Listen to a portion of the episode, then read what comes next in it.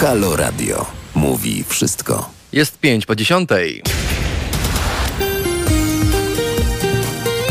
Adam Bysiek, to jest bardzo dobry dzień. Wow, ile słońca w Warszawie. Mam nadzieję, że i u Państwa go nie brakuje. Wiosna, wiosna, wiosna. To Ty, śpiewał Marek Grechuta. No do tej wiosny coraz mniej czasu, bo dziś piąty dzień marca. Do końca roku zostało nam 303 dni. Dokładnie okrągła liczba. Więc odliczamy najpierw do wiosny, potem do lata, potem do końca roku, by no, jak najszybciej uświadczyć być może tych wyborów, gdy pisowski reżim mam nadzieję, że upadnie. No nic, tyle o polityce, czas na imieniny i życzenia od nas dla Państwa. Dziś obchodzimy święto imienin, m.in. Adriana Frederyka, e, Marka Oliwii, Teofila, Eusebiusza, Jana, Markusława, Pakosława i Wirgiliusza. To Państwu życzymy wszystkiego dobrego z okazji Waszego święta. Pamiętamy również o tych mających dziś swoje urodziny. Państwu także wysyłamy urodzinową pocztówkę z naszego studia przy Marszałkowskiej. Tutaj pod dwójką życzymy dużo zdrowia, bo to dziś jest na wagę złota, a wręcz platyny w dobie, gdy ponad 15 tysięcy osób e, zachorowało znów na COVID-19. Mam dla Państwa również dwie ważne daty, daty z kalendarza. Jakie? No na przykład 1812 rok. To wtedy Napoleon Bonaparte utworzył złożony z Polaków piąty korpus e, Wielkiej Armii. Z kolei na przykład w 2002 roku została zarejestrowana słynna już Platforma Obywatelska. To ten popis od 2002 roku ciągnie się za nami. E, z kolei w 2006 roku premiera pierwszego odcinka serialu telewizyjnego Rancho, ten, który zirytował posłów PiSu w reżyserii Wojciecha Adamczyka. Mm, dość wspomnień na chwilę obecną. Czas na listę gości. Ja Państwa zapraszam serdecznie do tego, by słuchać Halo Dnia aż do godziny 13. Jestem z Wami, nazywam się Adam Bysiek i serdecznie zapraszam do godziny 13. Na pewno nie zabraknie nam ciekawych e, tematów i jeszcze ciekawych gości. No więc już za chwil kilka, bo 10.15 w naszym studio będzie gościł e, Antoni Henryk Raciborski, to Stowarzyszenie Otwarte Ramiona i kolejny apel, kolejny wniosek, tym razem na ręce i na biurko wojewody mazowieckiego. O co dokładnie chodzi? Drodzy Państwo, no to stowarzyszenie znane jest z tego, że prowokuje swoimi apelami, swoimi wnioskami i dobrze, bo wbija szpilę mm, w ten szczelny, e, w ten szczelny układ samorządowców, szczelny układ polityczny w naszym kraju. To młodzi ludzie, którzy mają ochotę, mają siłę działać, będą dziś z nami. Od 10.15 Antoni w naszym studiu opowie o tragicznych warunkach na warszawskich sorach. Nie tylko warszawskich, bo generalnie cierpi całe województwo mazowieckie, począwszy od Radomia, kończąc na Warszawie, idąc nawet krok dalej, prawie, prawie do Olsztyna. Nie ma jak dostać się na SOR, nie ma jak się leczyć, warunki są skandaliczne, no a pacjenci apelują i proszą media o pomoc. No więc jesteśmy właśnie tu w waszej sprawie. Tym bardziej polecam nasz telefon interwencyjny, bo to dzięki niemu podejmujemy się takich ważnych dla Państwa i z Państwa punktu widzenia mm, tematów. Cały czas można dzwonić 22 39 059 22 to opcja telefoniczna, mailowa, dobrze już Państwu znana. To e-mail teraz małpachalo.radio. Czekam i witam Państwa również na Facebooku, YouTubie i Mixcloudzie. Bardzo miło mi się z Państwem dziś na pewno będzie rozmawiać. E, no to co, startujemy do 13. Jestem z Wami, a na zegarku już 10 po 10.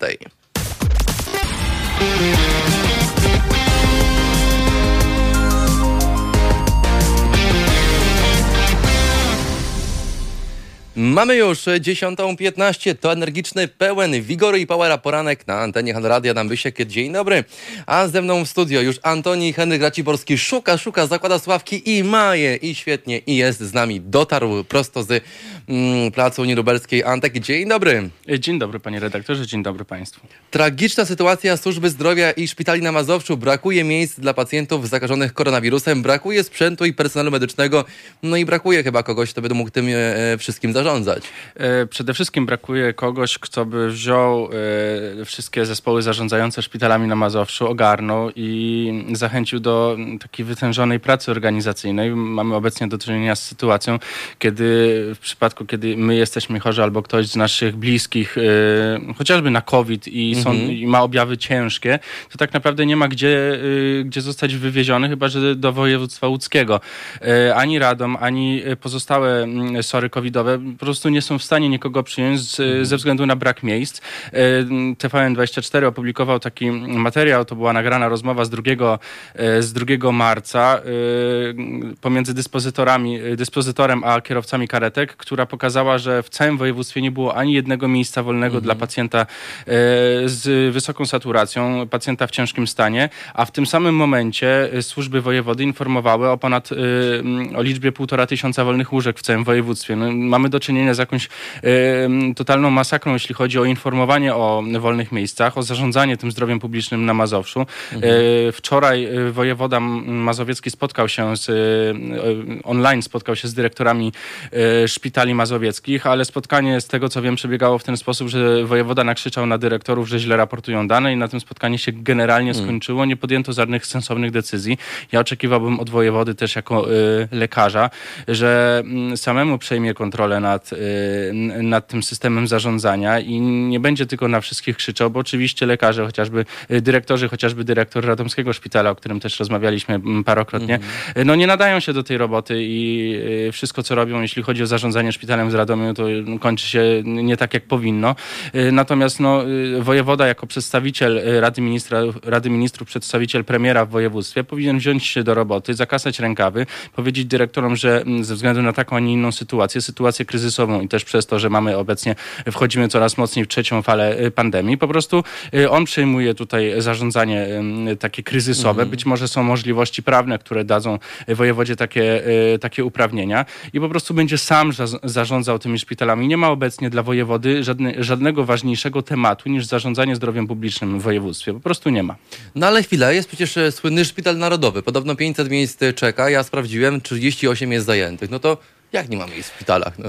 To prawda, na szpi- y, w Szpitalu Narodowym miejsca są, natomiast nie ma anestezjologów, którzy by obsługiwali, y, obsługiwali urządzenia dla pacjentów covidowych, więc de facto tych miejsc y, nie ma, stoją puste łóżka. Hotel bez- narodowy po prostu. Tak, no to jest hotel, na który wydajemy jakieś gigantyczne, chore pieniądze. 18,5 miliona Tak, złotych. y, każdy lekarz też bardzo dobrze tam zarabia, natomiast no, pracy tam nie ma i pacjentów też tam nie ma. Utrzymujemy, tak naprawdę to jest przepływanie pieniędzy pomiędzy jedną spółką państwową a drugą spółką państwową. Dodatkowo y, pamiętajmy, że to wszystko się dzieje bez umowy, bo Szpital Narodowy nie posiada umów y, z ministerstwem i z, y, z, z państwem na, na, na tą in, inicjatywę. Więc de facto to wszystko jest jakieś takie szarobure, nie wiadomo o co chodzi, chociaż jak nie wiadomo o co chodzi, chodzi, chodzi o pieniądze, pieniądze. i pytanie być może, gdzie te pieniądze też wyciekają bokiem. No bo pytał może nawet pan się- poseł Szczerba, który dostał odpowiedź taką, że panie pośle, no sorry, proszę iść do sądu administracyjnego, bo my panu nie powiemy tajemnica spółki, koniec i kropka. No i to, tak się dzieje ze wszystkim. Mhm. O cokolwiek się nie spytamy, to, to tajemnica spółki, dokumentów nie wydamy, a jeszcze e, teraz pierwsza prezes Sądu Najwyższego, Mhm. y, mm, pani sędzia Manowska, jeszcze chce ograniczenia dostępu do, do informacji publicznej. Znaczy dla mnie ona nie jest sędzią, jest po prostu popychadłem w rękach PiSu, no to na mnie jest, wiesz. Y, na, znaczy, prawnikiem jest y, po, podobnież dobrym, natomiast y, rolę, jaką sobie sama zaakceptowała i przyjęła, jest hańbia, hańbiąca i nigdy nie powinna y, ta rola przez nią być y, pełniona przez żadnego innego prawnika. No, stała się takim narzędziem w rękach y, Zbigniewa Ziobry na własne życzenie i, no, i mam nadzieję, że też za to zostanie rozliczona po zmianie władz. Oby, oby tak się stało. Złożyliście taki e, wniosek do pana, e, do Sejmowej Komisji Zdrowia. E, Tomasz Latos go otrzymał. O pilne zwołanie nadzwyczajnego posiedzenia także komisji, m, o której mówiłem wcześniej. M, Znajdujemy się w sytuacji, gdy praktycznie niemożliwe staje się ratowanie życia pacjentów i powinny zosta- zostać podjęte wszystkie możliwe działania, aby wspomóc za znajdującą się na skraju wytrzymałości służbę zdrowia. Dostałem e-mail od jednej z pielęgniarek, bo poprosiłem wczoraj ludzi, przepraszam, przedwczoraj, o to, by wysłali nam, jeżeli pracują jako medycy, te słynne dodatki. Pamiętasz, była, obie- była obietnica, dodatki Tak. będą, nagrody. 16 zł. No to pani Gabriela mi wysłała, potem ci pokażę ten screen, możesz nawet do siebie wykorzystać. 8 zł 26 groszy Tak, dostała. a szpital, y, a lekarz y, ze specjalizacją 16 brut. I do tego O! brutto, dodajmy, że to brutto. Więc 100% więcej i się cieszy, wiesz, że w ogóle dostał, tak? Tak, to Ale prawda. pracujmy dla idei. No, przecież- Tak, dla idei, dla Boga, Tak. ku Bogu. Ja jestem z, ja jestem z zawodu też śpiewakiem operowym. Mhm. Zawsze się spotykałem z taką sytuacją, że ja- jak mówiłem, że chciałbym uzyskać zapłatę za y, czy, Emisję głosu, tak, y, za, za koncert, to zawsze Mhm. była odpowiedź, że często w kościołach śpiewałem jako młody, młody człowiek, że to dla Boga właśnie A. y, śpiewanie. Bóg mnie też nakarmi najwyraźniej. tak. Zapłać za mieszkanie w ogóle, Tak. kupić Natomiast jeszcze wracając do tego wniosku, Mhm. tak, złożyliśmy ten wniosek do e, przewodniczącego Sejmowej Komisji Zdrowia, bo uważamy, że mm, już ten czas, kiedy wojewoda załatwia jakieś rzeczy po swojemu, minister zdro- rzecznik Ministerstwa Zdrowia wychodzi wychodzi na konferencję i mówi bonmoty, się skończył i potrzebujemy debaty parlamentarnej jak najszybciej na ten temat, tak żeby wypracować sensowne rozwiązania tu i teraz, jakieś takie kryzysowe, tak? Potrzebujemy też informacji ministra zdrowia na komisji o sytuacji szpitali na Mazowszu, ale także mhm. informacji o przygotowaniu konkretnych województw, konkretnych, konkretnych NFZ-ów w każdym po kolei województwie do, do zarządzania tą sytuacją kryzysową, bo no, nie, to już mamy fakt taki, że to nie jest zwykła pandemia. Ta trzecia fala to nie jest tylko trzecia fala. Jest coraz gorzej i zaraz dojdziemy do takiej sytuacji, że pierwsza i druga fala to będzie nic mhm. w porównaniu do tego, co dzieje się teraz. Ten wzrost jest coraz bardziej skokowy zachorowań, coraz więcej, więcej jest zgonów, a służba zdrowia, która przez ostatni rok została bardzo mocno nadwyrężona, teraz już praktycznie, praktycznie nie istnieje i zaraz po prostu mhm. umrze i staniemy znowu w sytuacji jakiegoś dramatycznego kryzysu.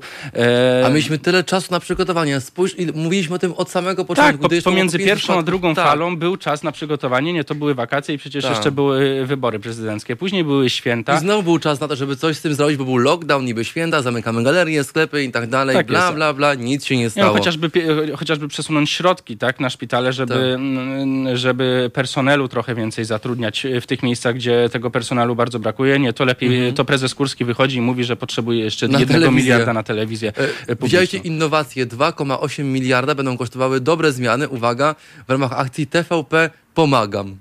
No, pięknie, a, a, pewnie prezydent Duda będzie promował tą akcję na nartach, tak jak w niedzielę tak. będzie jeździł w jakimś maratonie narciarskim. I w tym słynnym korytarzu życia, bo przecież tak, no, jemu się tak śpieszy, że, e, korytarzem że życia. No sorry. E, Antek, czy liczysz, że ta komisja w końcu zajmie... No, to, jest, to jest identyczne pytanie bardzo, bo się nie zajmie, oboje o tym wiemy, no bo to jest tylko i wyłącznie coś, co należy przemilczeć, bo głośno mówić o swoich porażkach e, rząd nie potrafi. E, tym bardziej decydenci tego rządu, którzy są oddelegowani przez tych, a nie innych polityków, też się nie przyznają, no bo jak? ludzie nie umierają, wszystko jest ok, mm, sytuacja jest stabilna, ale Andrzej Trybusz, e, mój szanowny gość, generał, e, były e, główny inspektor sanitarny, powiedział mi, a to panie Namia, chcemy uniknąć takich konsekwencji, o których pan i, i wy mówicie w swoim apelu, to trzeba by zamknąć kraj. Y, być może to jest rozwiązanie. Y, ja uważam, że też takie porównanie Nowa Zelandia a Polska to są mhm. dwie różne wielkości, natomiast Nowozelandczycy funkcjonują w ten sposób, że jeśli pojawiają się jakieś y, zachorowania, automatycznie jest zamykany kraj na 2-3 tygodnie, mhm. dos dosłownie zamykany ze wszystkim. No, ten wirus gdzieś tam się wygasza, jest otwierany, wszystko mhm. funkcjonuje normalnie i tak co pewien czas. Tych, tych lockdownów nowozelandzkich jest bardzo mało. Przedsiębiorcy nie upadają, wszystko mhm. funkcjonuje prawidłowo być może to jest jakaś droga, roz, y, jakieś rozwiązanie. Nie mówię jeden do jednego, mhm. ale jakiś, mm, jakiś pomysł na to, w jaki sposób sobie radzić z tym COVID-em, bo widać ewidentnie, że ten COVID nie zniknie, ten COVID będzie narastał, będzie mutował, będzie się zmieniał i to będzie trwało jeszcze przez parę dobrych lat, dopóki gdzieś się tam nie uodpornimy yy, i też wszyscy nie wyszczepimy na... Mhm. Yy, Populacyjnie na tą tak, chorobę. Na, na, tą chorobę. No i nie możemy żyć teraz przez najbliższe, nie wiem, 4-5 lat w sytuacji, kiedy bez przerwy wszystko jest zamknięte, kina są zamknięte, nigdzie nie można wyjść. To pokazuje gdzie... brak pomysłu na, na walkę walkę z, tą, z tym wirusem. Znaczy, to jest wszystko takie reaktywne. Coś się dzieje, trzy tygodnie miną i nagle minister zdrowia się budzi z letargu mhm. e, albo z liczenia, ile może na maseczkach zarobić. Może to też jest jakiś pomysł. E, i, e, i, i, szuka jakiegoś rozwiązania e, na szybko.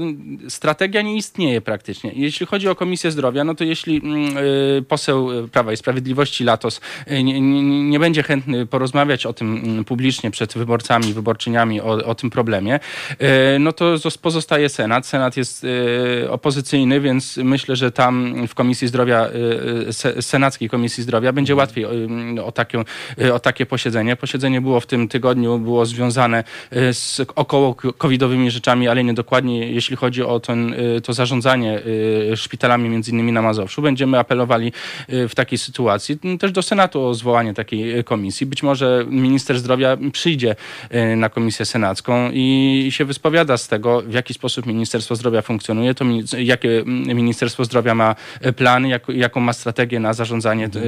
E, tym kryzysem, no bo kryzys jest e, widoczny, wszyscy mamy tego świadomość, no tylko chyba nie rządzący. Jeszcze ludzie umierają, tak, oni tylko i wyłącznie troszczą się o swoje portfele, portfele swoich spółek, chroniąc się tajemnicą tych właśnie tychże spółek.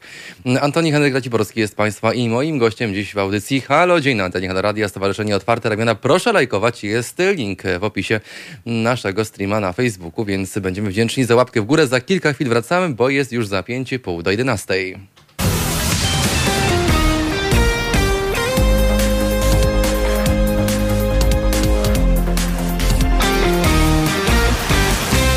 No jest już pół do 11 i my sobie dzisiaj dyskutujemy o rzeczach strasznych. No był wcześniej Radom, czyli słynna umieralnia pod Warszawą. E, taki pseudonim ma ten szpital w Radomiu. Miał pan dyrektor dalej nic z tym nie robi, czuje się świetnie i jakby e, no, idzie spać poczuć dobrze spełnionego obowiązku, niestety. Czas na zaproszenie państwa do naszych, do słuchania naszych felietonistek i felietonistów. Tym oto sposobem już dziś, jeszcze dziś. 9.50 mm, felieton Sylwii Gregorczyk-Abram, 12.50 to felieton Igora Tulei, 14.50 dziś również to felieton profesor profesor Magdaleny Środy. Serdecznie zapraszamy. Antoni Henryk Ciborski jest z nami, prezes Stowarzyszenia Otwarte Ramiona. Dzień dobry, witamy serdecznie ponownie. E, witam po przerwie. Mówimy sobie dzisiaj o szpitalu, o ruszeniu ewentualnie Senatu. No jednak co ten Senat może zrobić, że nie wpłynie wymiernie na mm, zarządzanie, na ten proces decyzyjny w szpitalach w województwie mazowieckim. Może sugerować, może działać, może zaskarżać, ale oprócz tego Kropka. I to tak będzie fiasko. no, to prawda. Senat też ma y, trochę ograniczone te możliwości, y, możliwości y, nacisku na rząd. Mhm. Niemniej jednak no, jest to jakaś forma nacisku na, na ministra chociażby zdrowia, który będzie mhm. musiał stanąć przed komisją, powinien stanąć przed komisją zdrowia mhm. i, i przedstawić cały plan, który będzie, o który mogliby senatorzy, senatorki, senatorowie wnioskować o pokazanie tego planu, o pokazanie strategii, o pokazanie też liczb, w jakim teraz miejscu się znajdujemy, jeśli chodzi o zachorowania, w jakim miejscu się znajdujemy, prawdziwym miejscu, jeśli chodzi o wypełnienie szpitali, e, co się dzieje chociażby właśnie ze szpitalem e, narodowym, co się dzieje z innymi szpitalami tymczasowymi, chociażby co się dzieje ze szpitalem w Poznaniu na targach poznańskich, który... E, no właśnie, masz jakieś informacje o tym Poznaniu? Bo ja szukałem, na początku stał że... pusty totalnie, był zupełnie mhm. nieużyteczny, później zaczął się wypełniać i to jest chyba jeden z tych niewielu szpitali, który... Gdzie ktoś leży jeszcze. Tak, gdzie, gdzie faktycznie y, jest on przydatny, bo mhm. szpitale poznańskie są wypchane po brzegi i w, y, w Poznaniu faktycznie jest problem ze szpitalami i, i nawet to nie wynika z, ze złego mhm. zarządzania, a po prostu y, samej sytuacji. Jest bardzo dużo zachorowań, no, szpitale są, mają pojemność ograniczoną, więc ten mhm. szpital na targach, y, na międzynarodowych targach poznańskich faktycznie spełnia swoją rolę, no ale jest to, jest to jednostkowa sytuacja. Co do zasady mamy, mm, mamy z tym zarządzaniem ogromny problem i gdyby nie to, że e, ta zachorowalność, jeśli chodzi o województwa, jest nierówna, e, no, no, no to kraj by już totalnie stanął. Na szczęście w województwie lubuskim gdzieś tam to się jakoś chowa i nie ma, nie ma przepełnienia i są jeszcze miejsca. E, inne województwa też sobie dają radę, no ale nie może być sytuacji, że mm, województwo mazowieckie też ze stolicą po prostu się obecnie zatka i w sytuacji, kiedy starsza osoba będzie miała zawał, nawet niezwiązany z COVID-em, to nikt jej nie przyjmie, bo nie będzie po prostu gdzie i będą ludzie umierali znowu, tylko i wyłącznie dlatego, że, się, że siedzieli po 10-12 godzin w karetce przed szpitalem i czekali na przyjęcie. Y, zresztą w takiej sytuacji, no to y, o życiu bądź nieżyciu decyduje kierowca karetki bądź lekarz tak. w karetce dyspozytor, y, i dyspozytor, którzy i tak mają ręce związane, bo albo mogą zadecydować, jeździmy po województwie, szukamy miejsca, może ktoś nas przyjmie i zdąży uratować tą osobę, albo mhm. czekamy pod szpitalem, pod szpitalem, aż nas do szpitala wpuszczą i to jest taka ruletka, co będzie mniej, mniej długotrwałe, tak? Czy jeżdżenie po województwie, czy czekanie pod bramą y, na łaskę dyrektora szpitala, który też de facto... Aż być może znajdzie miejsce. Tak, no. być może, a no często nie znajdzie, bo izolatki są y, zajęte, mhm. oddziały ratunkowe są zajęte. Nie ma co z tymi pacjentami po prostu robić. Ta służba zdrowia, generalnie jest ogromny problem ze służbą zdrowia, jak wszyscy wiemy od dawna. To jest też taki resort dla ministrów samobójcy trochę, samobójczy trochę. Natomiast przez wiele, wiele lat był, był czas, żeby wypracować mm, chociażby mechanizmy, w jaki sposób zarządzać sytuacją kryzysową, a przede wszystkim podnieść finansowanie y, całego, całego systemu ochrony zdrowia, mhm. podnieść to PKB, które y, przekazujemy na, na ochronę zdrowia. Niestety nikt praktycznie nic z tym nie chce robić i jeśli podnosimy PKB, to na armię, bo Trump sobie tak zażyczył, ale nie podnosimy na rzecz najważniejszą dla obywateli, czyli właśnie zdrowie publiczne. Nawet nie wykorzystaliśmy tych pustych slotów pomiędzy falami pandemii, żeby stworzyć jakieś, jakieś takie namiastki, plan działania, jakąś planów kryzysowych. Tak, tak, dokładnie. Nic. Jesteśmy w jakiejś y, sytuacji totalnie katastroficznej.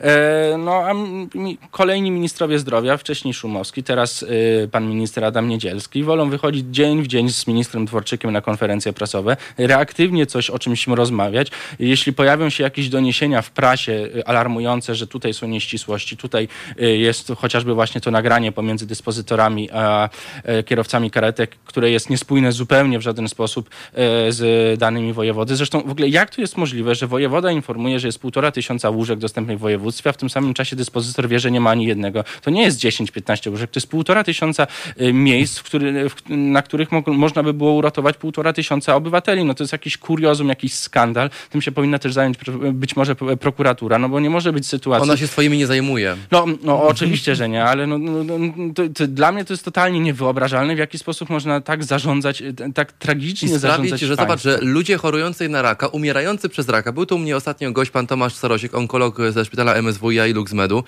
Powiedział mi, panie Adamie, większość pacjentów onkologicznych dzisiaj jest w jednym worku z pacjentami covidowymi. Umierają, tam COVID, rzućmy ich do jednego wora, dzięki. Jest po temacie. Nie przyszli, nie było wizyty, nie było zabiegów, no więc co z nimi zrobić? No nie powiemy, że umarł na raka, bo go nie ratowaliśmy, tylko powiemy, że na COVID.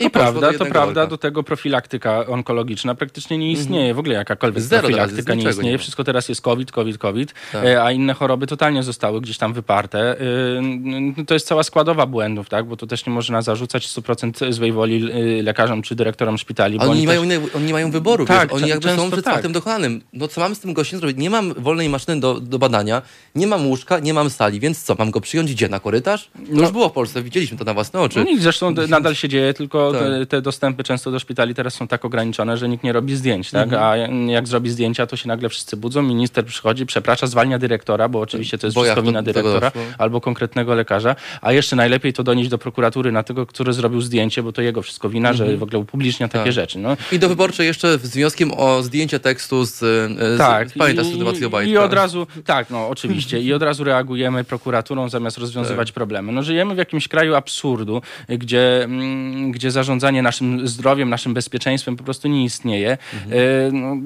no, szanowny rządzie, weźmy się w końcu do roboty, bo wcześniej czy później was też dotknie e, ten COVID, was wcze wcześniej czy później też e, dotknie ta fatalna służba zdrowia i nawet szpital MSWiA w Warszawie wam nie pomoże, bo nie będzie i tak dla was miejsca, bo mm, prezydent z nart będzie tam leżał po mhm. prostu. E, znaczy, po pierwsze, może raczej nie pomoże, bo przecież był już pan e, Dworczyk, tak, no on był, miał COVID-a dwukrotnie i każdy pracował dalej obok niego, przecież on nie miał kwarantanny jako jeden tak, z kraju. To drugi, dru, drugi raz pod rząd jego ta sytuacja e, ominęła. E, zapytam cię jeszcze, Antek, w takim razie o mm, dalszy plan waszych działań, bo no, jeżeli to nie przyniesie e, oczekiwanych rezultatów, jeżeli wcześniejszy wniosek również nie dał nikomu do myślenia, jeżeli twoja wizyta w tym studio też nic nie pomoże, jeżeli Senat nie pomoże, no to świadomie godzimy się na kolejne umieranie na płacenie 20 milionów złotych za naprawę Szpitala Narodowego, ponieważ tam rozwiercono dziury. Nie wiem, czy to widziałeś. Ja tam byłem raz, udało mi się przemknąć po znajomościach mhm. i są dziury wiercone w takiej podłodze.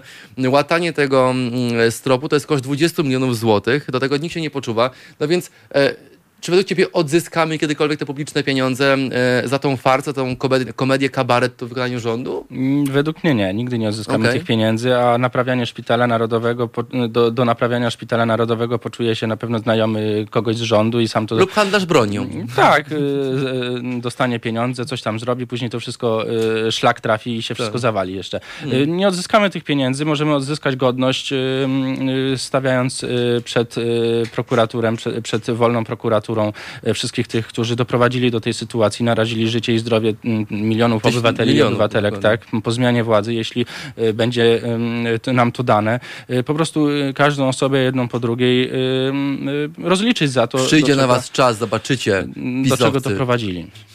Antoni Henryk Raciborski był dziś Państwa i moim gościem Stowarzyszenie Otwarte Ramiona. Proszę lajkować. Jest link na Facebooku. Dzięki Antek, dobrego dnia i oczywiście wpadaj do nas jak najczęściej. Bardzo dziękuję, miłego dnia życzę. Dziękujemy. Na zegarku już kwadrans do godziny 11. Dziś piąty dzień marca. Mam dla Państwa dwie wiadomości i podzielimy sobie to wejście na dwie takie spójne, zgrabne, ale konkretne i pełne informacji i części.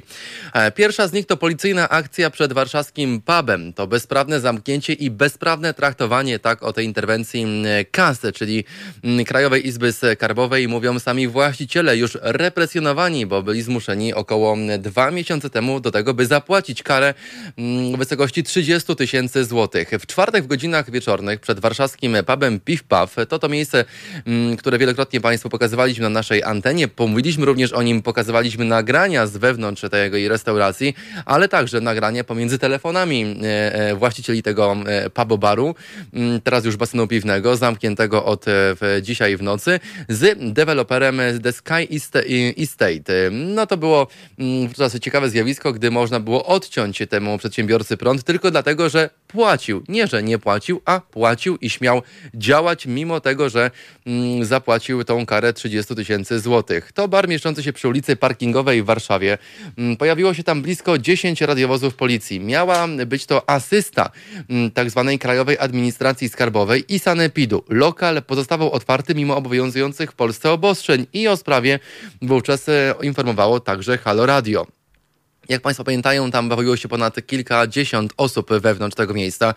Co weekend, bo jest blisko naszej redakcji, mogliśmy naprawdę na własne oczy widzieć to, co dzieje się e, e, w tym miejscu. Było głośno, było muzycznie, było też energicznie, ale było też uczciwie, bo mm, otworzyli, dostali karę, zapłacili, więc teoretycznie i praktycznie powinni móc dalej działać. No oczywiście pisowski reżim nie do końca e, rozumie, e, czym jest e, przepis prawa, właściwie naczelny przepis prawa mówiący o tym, że nie można kogoś karać dwukrotnie za to samo przewinienie. Otóż można, bo policjanci pojawili się przed warszawskim pubem Piw Paw, potem weszli mm, także do środka. W pubie grano muzykę, przebywało tam także sporo osób mimo obowiązujących obostrzeń dotyczących lokali gastronomicznych w Polsce. Na swojej stronie na Facebooku lokal zamieścił film z interwencji policji, no jednak po pewnym czasie go usunięto. Czemu nie wiadomo, być może chodziło o brak prowokacji e, kolejnych reżimowych działań mm, ze strony KAS, ale też policjantów lub po prostu sanepidu, który po prostu im nie odpuszcza od długiego, długiego już czasu, nękając tych przedsiębiorcy, tych przedsiębiorców wieloma mandatami wielotysięcznymi. Jak mówił nam nadkomis- jak, jak mówił nam w rozmowie telefonicznej pan nadkomisarz Jarosław Florczak z Komendy Stołecznej Policji w rozmowie z naszym radiem i mm, dziennikarzami portalu gazeta.pl na miejscu interwencji prowadziła Krajowa Administracja Skarbowa i Sanepid. A policja co robiła? No jedynie mm, asystowała. Jak to ładnie brzmi, asysta, ochrona, zabezpieczenie, prewencyjne działania, to takie piękne sformułowania, pod którymi może kryć się naprawdę spora agresja, która była na tych zdjęciach, na tych filmikach bardzo widoczna. Jak dodał, nie była to pierwsza tego typu interwencja w tym konkretnym lokalu, jednak pierwsza, podczas której po prostu zabrano mm, cały zapas magazynowy tym ludziom, zabrano cały asortyment tego lokalu, to znaczy zostały tam tylko i wyłącznie konsola, głośniki, parkiet, płytki i meble stojące luźno we, wewnątrz wewnątrz e, tego lokalu piw paw. Nic oprócz tego. E, cały alkohol e, o łącznej wartości strat ponad, uwaga, 1,5 miliona złotych stracili mm, ci przedsiębiorcy. No są na skraju bankructwa. Teraz już mówią, że nieistotne, czy mm, na koncie mają minus 1,5 miliona, czy może minus 30 milionów, bo i tak nigdy w życiu tego nie spłacą, mimo tego, że mogliby być otwarci. To głos samych właścicieli tego miejsca. Nie dziwię się, to dramatyczne wołanie o pomoc. Cóż, my możemy tylko na to patrzeć i po prostu o tym mówić. Mm, teraz, co, o, to jest też ciekawe co napisali na Facebooku podczas tego rzekomego okradania ich chłodni. Mm, teraz, teraz 70 chłopa okrada nam chłodnie i zapasy. Bezprawnie zamknięci, bezprawnie traktowani, wstyd, mówią mm, właściciele lokalu Piw Paw na swoim e, Facebooku. E, sam właściciel tego lokalu pod koniec stycznia w rozmowie z dziennikarzami przyznał, że na koncie ma minus 1,5 miliona złotych. Przecież i tak w obecnych warunkach tego 1,5 miliona nie zarobię i nie spłacę. Zresztą, nawet gdybym jakimś cudem te pieniądze pieniądze zarobił. To nie wiem, dlaczego miałbym je płacić, bo nie czuję się nikomu nic winien, mówi mm, sam e, e, zainteresowany, sam właściciel tego właśnie e, miejsca.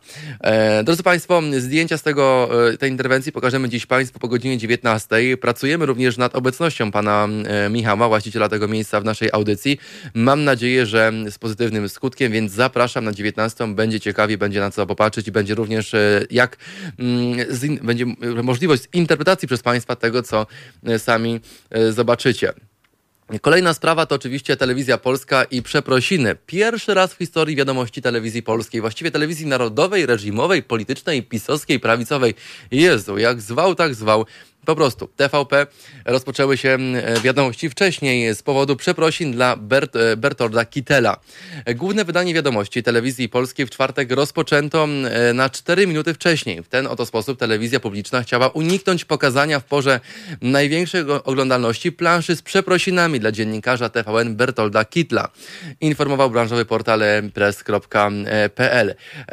Sam serwis rozpoczął się o godzinie 19.26, nie o 19.30 jak od wielu, wielu, wielu, jeszcze raz wielu mm, dziesięcioleci. Tuż po zakończeniu tego programu, o tym się mówi w TVP Info, e, pojawiła się przez 3 sekundy plansza z przeprosinami dla dziennikarza TVN, a potem rozpoczęły się jak gdyby nigdy nic wiadomości telewizji polskiej od zapowiedzi pani, mm, od zapowiedzi o e, halowych mistrzostw Europy w lekkoatletyce w Toruniu. Dopiero o 19.30 pojawiły się wiadomości mm, w ramach głównego wydania tego pseudoinformacyjnego, właściwie dezinformacyjnego informującego Polaków e, serwisu rzekomych wiadomości. E, czego dotyczą te przeprosiny? Dotyczą oczywiście wyroku Sądu Apelacyjnego w Warszawie z 2019 roku. Sprawa jest związana z materiałem Bertolda Kitla pod tytułem Układ Radomski wyemitowanym jesienią 2018 w superwizjerze TVN. W reportażu dziennikarz pokazał zbiegi wokół, e, zabiegi wokół zmiany planów przebiegu obwodnicy Radomia, na czym również mieli zarobić, no jak mogą Państwo myśleć, kto? Politycy PiS i powiązani z nim lokalni przedsiębiorcy. E, sam TVN próbując e, zdyskredytować ustalenia e, Kitla, zarzucił mu, jedy, mu zatajenie wielo, wieloletniej znajomości z prezydentem Radomia, Radosławem Witkowskim, politykiem PO. Zarzut powtórzono na antenie telewizji polskiej i wiadomościach TVP1 wielokrotnie. Sam wyrok pierwszej instancji zapadł w styczniu 2018.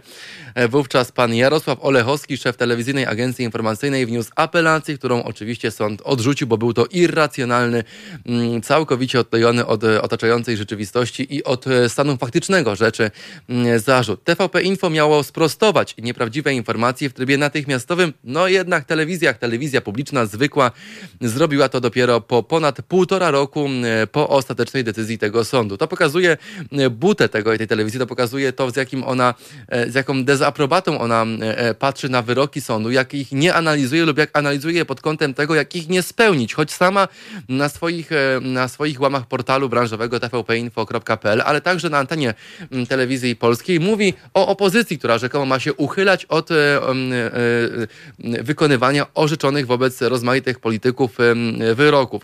To buta, to arogancja, to hamstwo. Mm, tak komentują sprawę dziennikarze e, innych e, spoza TVP stacji, portali i gazet, ale także rozgłośni radiowych. Nic dziwnego, no bo jeżeli ktoś tak ochoczo, tak głośno mówi o tym, jak wyrok jest ważny, jak to Polacy powinni szanować te wyroki, a nagle ma po prostu go w czterech literach, no to trudno inaczej nazwać e, taką, e, taki zbieg okoliczności niż po prostu butą arogancją i zwykłym, prostym hamstwem mm, w postaci olewania ciepłym moczem wyroków e, sądowych, nawet drugiej instancji, czyli sądu okręgowego dotyczących spraw telewizji polskiej. No, mamy swoje sądy, mamy swoją konstytucję, mamy swoje władze w TVP, mamy swoje dwa miliardy, no cóż, czujemy się po prostu najzwyczajniej w świecie bezkarni. Drodzy Państwo, za nami pierwsza część audycji Halo Dzień na antenie Halo Radia, więc ja tymczasem i jeszcze bardziej serdecznie zapraszam do tego, by być z nami w drugiej i trzeciej części. Za kilka chwil dyskusja o narkotykach w Holandii. Ponad 28% imigrantów z Polski w Holandii jest pod ciągłym wpływem amfetaminy lub met metamfetaminy. To badania na grupie tysiąca respondentów o tym, jak radzić sobie z tego typu problemem, jak e, pomóc na przykład rodzinie będącej tam i mającej podobny problem. Podyskutujemy już za kilka chwil po godzinie 11.15. To zatrważające dane, to ogromna liczba i to proceder, proceder na skalę naprawdę mm, całej Europy, nie tylko Polski, ale o Polsce głównie dziś powiemy już po 11.15. Tymczasem jest za 5.11, no więc my wracamy do Państwa za kilka chwil. Cały czas czekamy również na Państwa telefony 22 39 059 22 lub maile na adres teraz małpahalo.radio. E, tu jesteśmy do Państwa dyspozycji, podobnie jak w aplikacjach na YouTubie, Facebooku i oczywiście Mix Mixcloudzie. Zapraszam na drugą godzinę Halo Dnia na antenie Halo Radia. Halo Radio. Mówi wszystko. Jest 5 po 11. Adam Bysiek, to jest e, bardzo dobry dzień. Dziś e, piąty dzień marca, do końca roku zostało nam dokładnie okrągła liczba 303 dni. E, świętujemy dziś imieniny, między innymi Adriana, Eusebiusza, Jana, Frederyka, Marka, Merkusława, Oliwii, Pakosława, Wirgiliusza i Teofilii. To Państwu dziś wysyłamy serdeczne życzenia. Pamiętam oczywiście o tych mających dziś swoje urodziny. Także i Wam życzymy dużo zdrowia, no i przede wszystkim spełnienia najskrytszych marzeń. Ta urodzinowo-imieninowa pocztówka wysłana jest od nas dla Państwa z naszego studia przy Marszałkowskiej pod dwójką. Mm, mam dla Państwa również dwie ważne daty z kalendarza. Na przykład w 1812 roku Napoleon Bonaparte utworzył złożony z Polaków piąty korpus Wielkiej Armii. Z kolei w 1953 roku Franciszek Jarecki mm, uprowadził odrzutowy samolot myśliwski, e, myśliwski MiG-15 bis i wylądował nim na duńskiej wyspie Bornholm. Z kolei w 1992 roku Hanna Gronkiewicz-Waltz, tak, to ta od tej prywatyzacji, została prezes, prezesem NBP. Tyle wspomnień, czas na listę gości. Druga godzina będzie nieco poważniejsza, podyskutujemy o Holandii, a o czym dokładnie, sprawdźmy już teraz.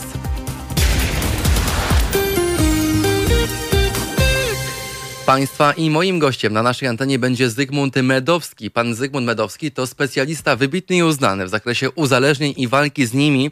No a na pierwszy plan bierzemy dziś Holandię i Polaków na imigracji. To Polacy są w tej liczbie 28% osób na imigracji właśnie z Polski, mm, które codziennie lub tylko i wyłącznie, czyli albo aż w czasie pracy są non-stop na haju. Ćpamy ile wlezie, wciągamy amfetaminy ile wlezie, amfetamina, kryształ, MDMA i nie tylko to najskuteczniejsza pomoc w ciężkiej pracy dla mm, Polaków. Okazuje się, że działka jest tańsza niż jedno piwo. O tym donoszą media z zachodu, mówiące, że to Polacy są najczęstszymi beneficjentami mm, tych używek, tych tak zwanych speedów, które sprawiają, że ci mogą pracować za dwóch. Mm, to dziś już po godzinie 11.15 rozwiejemy wątpliwości wszystkich Państwa na o tym, gdzie szukać pomocy, gdzie szukać wsparcia i jak radzić sobie z podobnymi sytuacjami, jak uniknąć drogi do uzależnienia, jak zejść z tego błędnego szlaku, jak wybrnąć z tego błędnego koła. To już po 11.15 cały czas zapraszam do tego, by do nas dzwonić i pisać na teraz małpahalo.radio, mm, telefon 22 39 059 22. No i oczywiście witamy serdecznie w drugiej części e, Halo Dnia naszych widzów na Facebooku, YouTubie i Mixcloudzie. To jest bardzo dobry dzień. Wracamy do Was za kilka chwil, bo na zegarku jest już 10 po 11. Halo Radio. Mówi wszystko. A ja mówię, że jest już e, dwie minutki po 15 minut po godzinie 11, czyli dokładnie 17 minut po 11, dziś piąty dzień marca.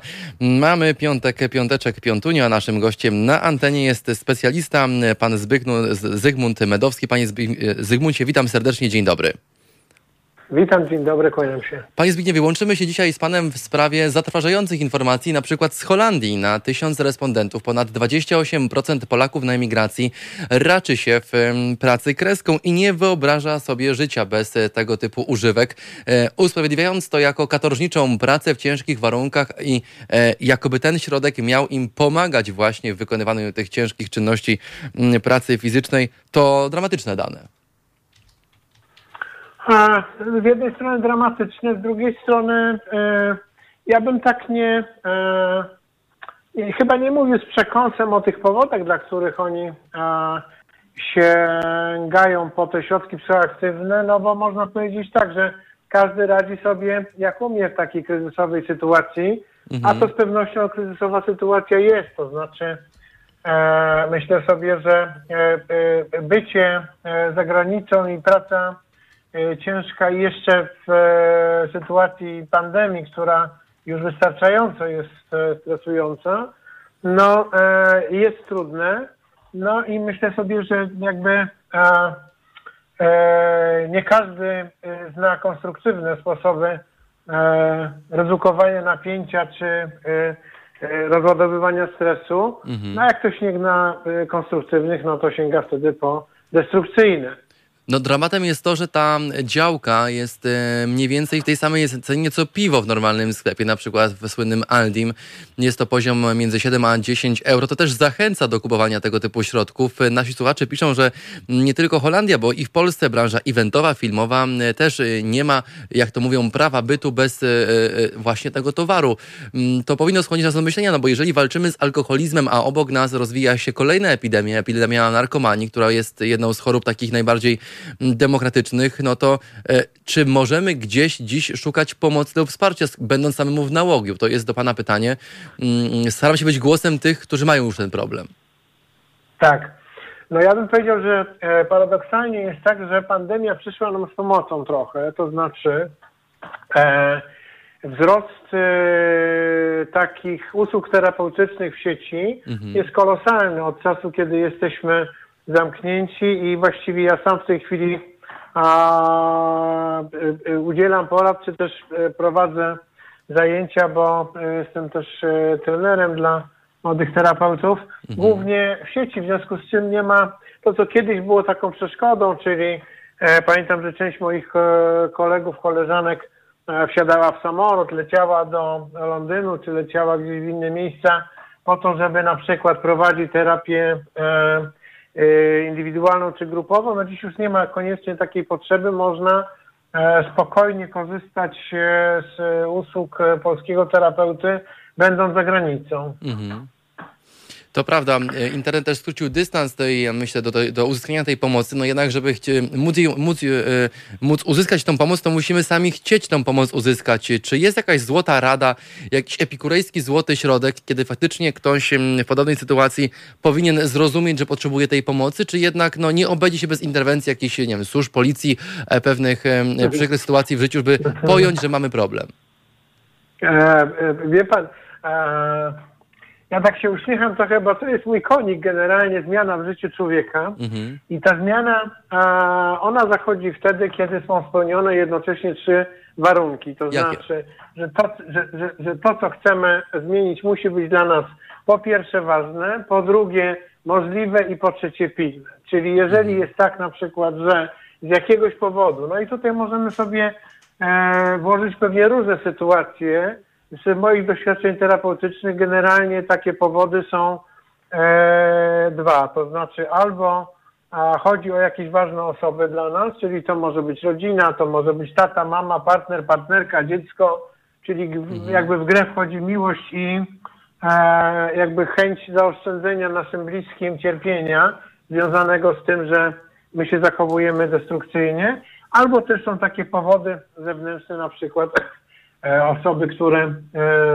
e, często się pojawiają w e, terapii z powodu na przykład używania marihuany, to są osoby, które zostały przyłapane przez policję na przykład na posiadaniu tego środka większej ilości, czy mają taki nakaz sądowy pod tytułem proszę się udać na terapię. Mhm.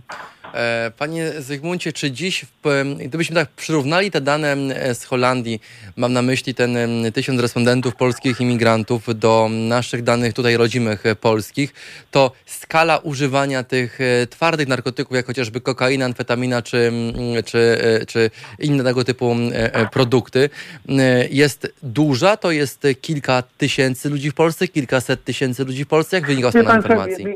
Ja nie jestem epidemiologiem, jeżeli jeżeli ktoś by chciał mieć takie e, konkretne dane, to oczywiście musiałby wejść na stronę mhm. Krajowego Biura do Spraw Przeciwdziałania Narkomanii.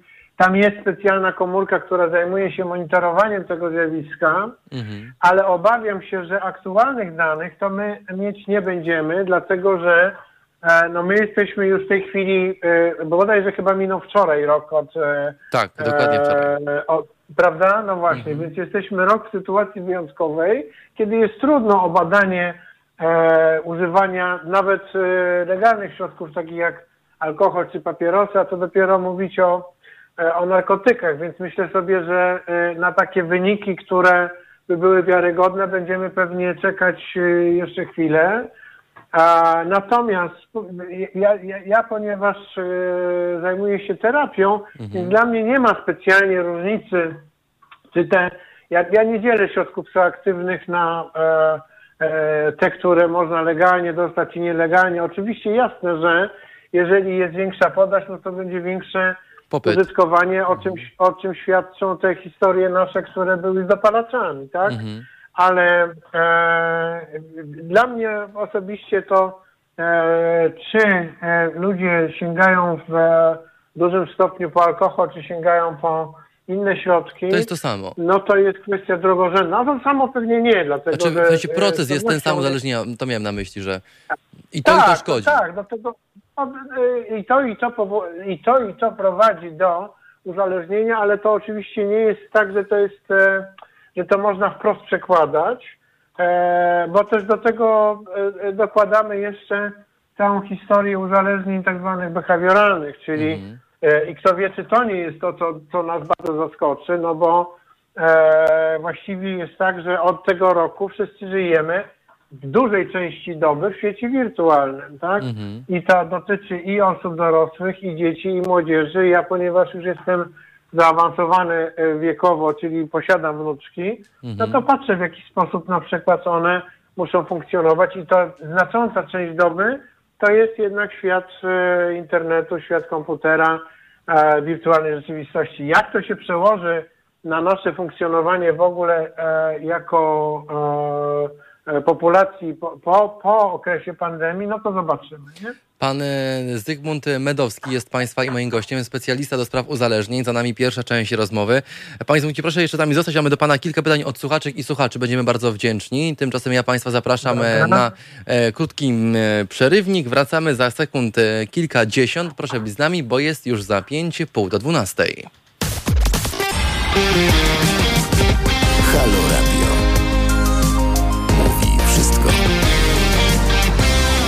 Mamy już pół do 12, dziś piąty dzień marca. To idealny czas na to, by zaprosić Państwa do słuchania naszych felietonistek i felietonistów. Tym oto sposobem już dziś o godzinie 12.50 felietony sędziego Igora Tulei, o 14.50 to felieton profesor Magdaleny Środy, no i o 18.50 dziś również to felietony Sylwii Gregorczyk-Abram. Serdecznie zapraszamy. Tymczasem my wracamy do naszej rozmowy. Na, nas, na naszej antenie jest dziś gościem Zygmunt Medowski, specjalista do spraw uzależnień. Panie Zygmuncie, dzień dobry, witam ponownie. Kłaniam się powtórnie. Mamy teraz pytanie od naszych słuchaczek i słuchaczy, więc zacznijmy od może pani y, Janiny, która pyta o to, y, czy w Polsce jest jakiś proces, jakiś mechanizm przeciwdziałania tej rozwojowej, tej chorobie, jaką jest narkomania, pomocy na przykład młodym, którzy wpadają w sidła tego nałogu. Tak, oczywiście jest. e, Jest cały szereg programów, ale prawdopodobnie, jeżeli mówimy o młodych ludziach, którzy, jeżeli tak można powiedzieć, eksperymentują dopiero z e, e, narkotykami, to jest taki program, który się nazywa Fred Goes Net. Mhm. To jest dla młodych ludzi, a ja dokładnie nie powiem w tej chwili, chyba 12, nie, od, e, tak, 12, od 12 roku życia Mhm. e, dla osób po tak zwanej pierwszej wpadce, czyli a, rodzic zobaczył, e, że dziecko używało e, tego e, środka, albo w szkole się okazało, albo policja na przykład złapała. I w- każdej miejscowości większej, a coraz częściej też i mniejszej, ja nie zacytuję z głowy, ale znowu na stronie Krajowego Biura do Spraw Narkomanii można znaleźć adresy i telefony realizatorów. I jeżeli mamy taką sytuację w rodzinie albo nie wiem w szkole, to e, absolutnie gorąco rekomenduję e, udać się, e, znaczy skontaktować się z realizatorami e, tego programu. Oczywiście jest troszkę utrudnione to w tej chwili ze względu na pandemię, ale na pewno jest tak, że to jest program, który jest bardzo przyjazny dla młodzieży, a jednocześnie o, e, e, należy do pakietu tak zwanych programów o udowodnionej skuteczności, czyli był ewaluowany i e, sprawdzany. A czy jest jakiś taki target wiekowy potencjalnych użytkowników narkotyków, który dziś jest szczególnie zagrożony? Czy jednak ta choroba jest na tyle demokratyczna, że dotyczy każdej i każdego z nas w takim samym, na takim samym poziomie i generalnie no, nie wybiera, czyli mając dostęp wpadniemy i tak? Wie pan co, oczywiście, że z pewnością taką grupą podwyższonego ryzyka to jest młodzież w wieku dorastania, dlatego że takiego prostego e, e, powodu. E, właściwie tych powodów jest przynajmniej kilka.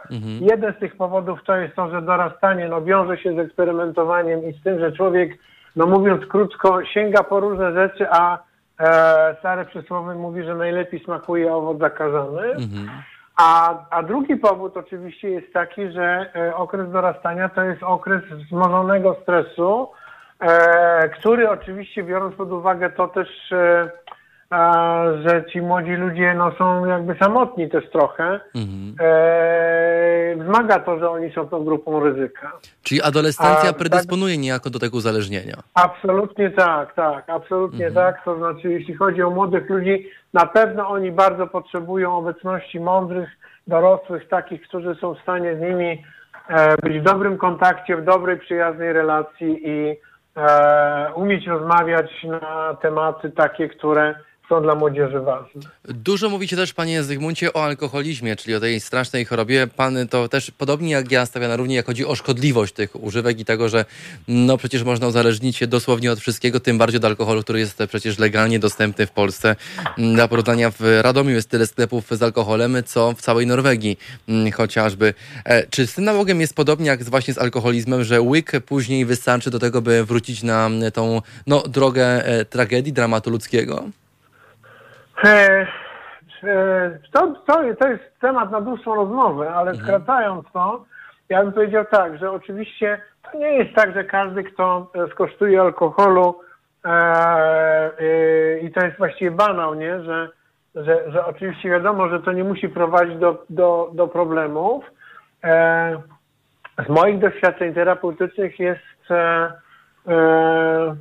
jest, jest sporo i one, ja, ja bym taką konkluzję trochę wy, wyraził, że, e, że uzależniają się ludzie tacy, którzy mają jakby ważne powody do tego, żeby się uzależnić. Co to znaczy? No to znaczy, że oni na przykład e, częściej sięgają po ten alkohol w większych ilościach i tak dalej, w młodym wieku na przykład, nie?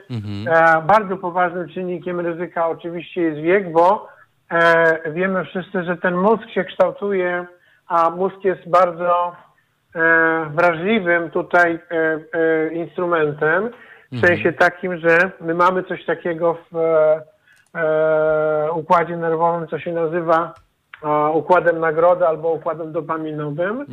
E, I generalnie jest tak, że my długo się uczymy takiego balansu pomiędzy przyjemnością a kontrolą. Nie?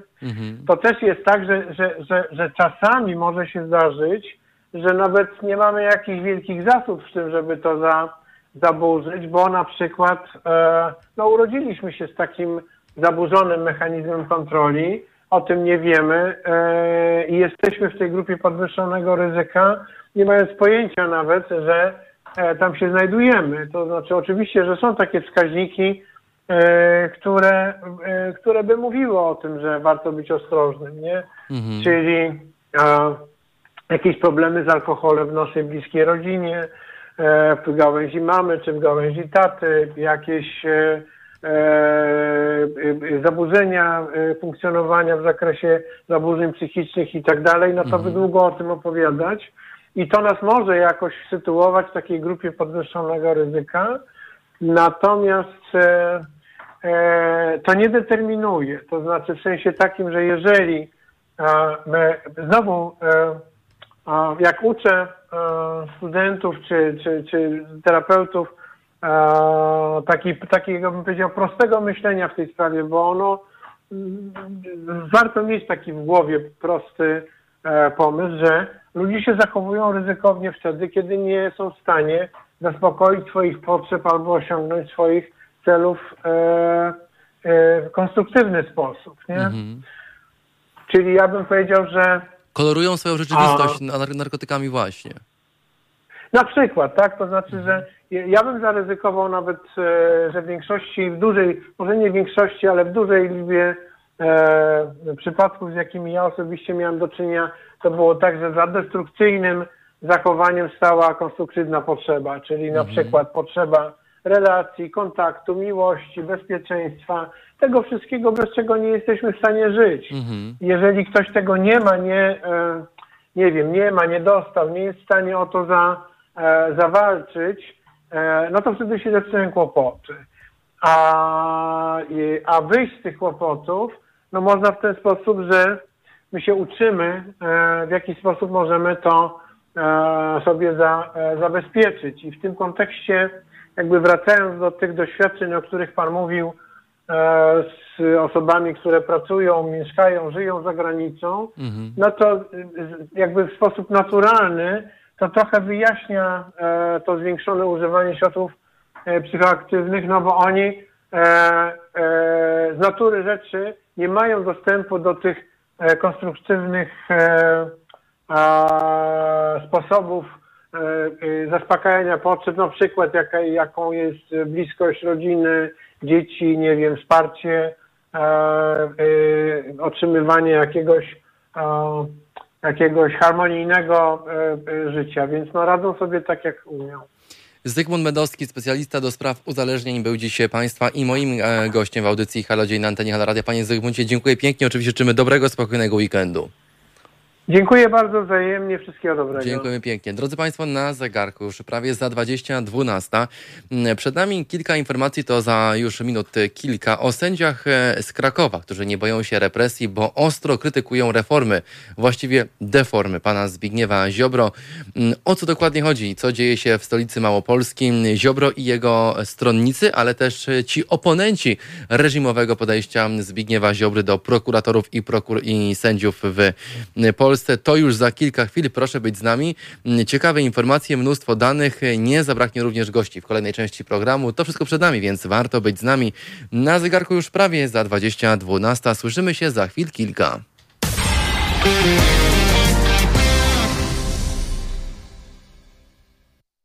Jesteśmy, jesteśmy. 11.44 na zegarkach, jeszcze minut 16 i będzie 12. Obiecałem Państwu informacje o, sędzia, o sędziach z Krakowa, no i mam dla Państwa te informacje. Przeciekawe zjawisko. Mm, Otóż sędziowie z Krakowa w bezprecedensowych uchwałach żądają likwidacji Izby Dyscyplinarnej.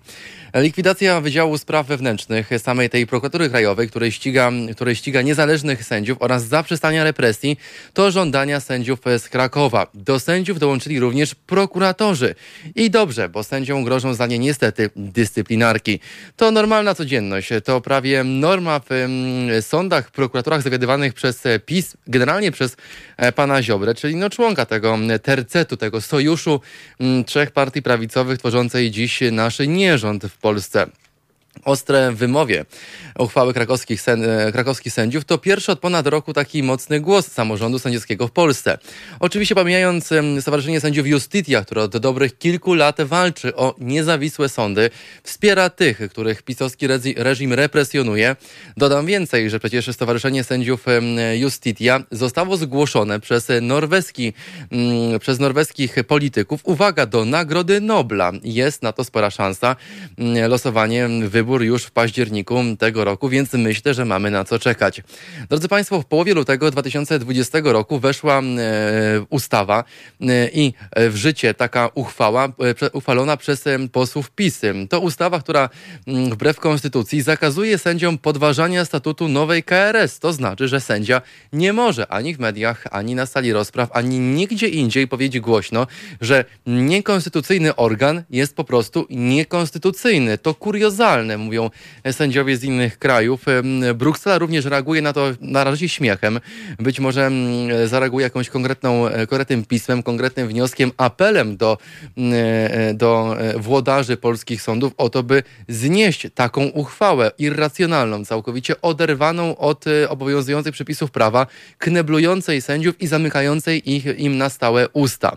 Drodzy Państwo, Trybunał Konstytucyjny Julii Przyłębskiej, czy sędziów awansowanych przez nową KRS, to takie badanie chyba e, e, granic legalności ich działania. To, tak, e, to taki komentarz ze strony polityków, na przykład opozycji, która lubi podpisywać się pod tego typu narracją, tylko dlatego, że po prostu jest to wygodne. Natomiast pytano już o to, czy byłaby skłonna pójść w jednym e, e, szyku, w jednym sojuszu po to, by obalić ten pisowski reżim, już nie do końca mówi e, e, o tym jednogłośnie. Są głosy za, są głosy przeciw, są głosy całkowicie liberalne, ale też takie, które mówią, że ani ruszy, tylko nasza partia, tylko nasz szyld, tylko nasza nazwa jest tą prawidłową, tą słuszną, więc mimo, że możemy zwalczyć ten reżim, mimo, że możemy, gdybyśmy się oczywiście pojednali, pogodzili, stworzyli e, spójną koalicję, nie tylko obywatelską, a koalicję po prostu wszystkich parlamentarzystów, którzy myślą inaczej niż PiS, którym bliżej do wolności i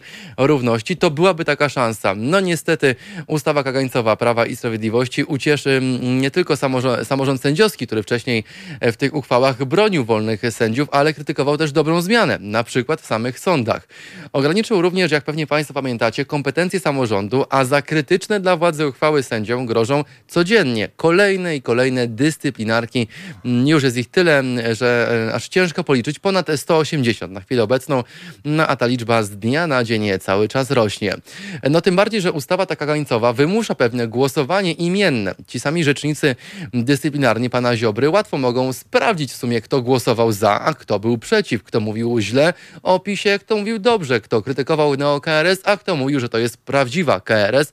To da się normalnie sprawdzić w sieci. I w oparciu o tą właśnie sieć, o te informacje, tak bezcenne na przykład dla pana Ziobry, karamy kolejnych sędziów, nakładamy na nich kolejne kary, deportujemy ich do kolejnych, do um, do kolejnych filii sądów rejonowych, okręgowych, zniżamy ich o szczebel niżej, tylko po to, by pokazać, sorry, sorry, wy tak nie możecie. Albo nas uznajecie, albo my po prostu wami się nie przejmujemy, odcinamy wam finansowanie, dołączcie do tych, których broni Justitia.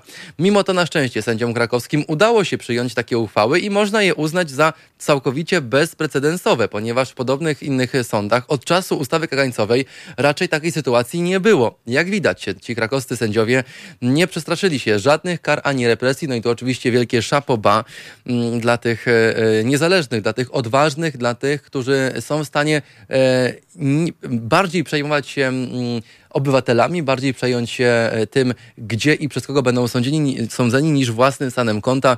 No jak Państwo się domyślacie, ten stan konta z minuty na minutę maleje, no bo mm, przecież pan Ziobro i jego ludzie cały czas wertują, e, sprawdzają te kartki, wchodzą na te listy głosowań i patrzą, kto był za, kto był przeciw.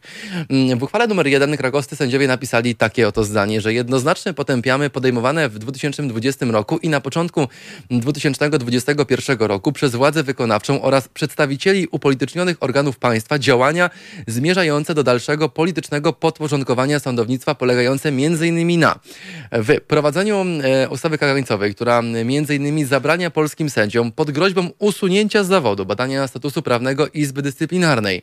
No to oczywiście robiło wielu innych sędziów, na przykład pani sędzia Beata Morawiec chciała to zrobić. No jak się skończyło, mm, wszyscy dobrze pamiętamy, ona do dziś boryka się z konsekwencjami swojej odwagi i niezależności.